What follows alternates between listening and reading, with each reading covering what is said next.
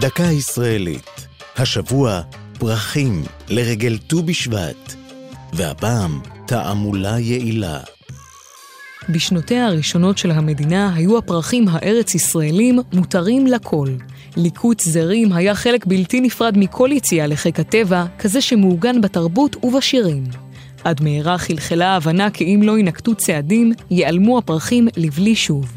כבר ב-1956 המליצה החברה להגנת הטבע להכריז על עשרות פרחים כמוגנים, אך רק כעבור שבע שנים הבשילו הדברים לכדי חוק גנים לאומיים ושמורות טבע, שהגדיר ערכי טבע אסורים בפגיעה, בהם פרחים כמו דרדר כחול, כלניות ורקפות.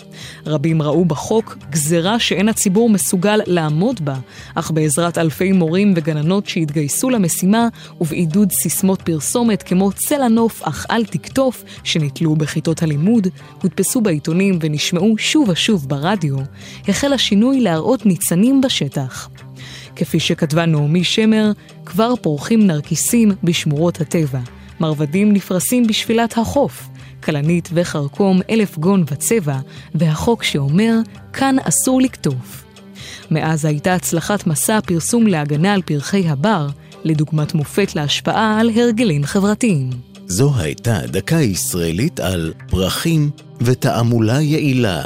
כתב נדב הלפרין, ייעוץ עופר רגב, מפיקה אור זועי סולומוני.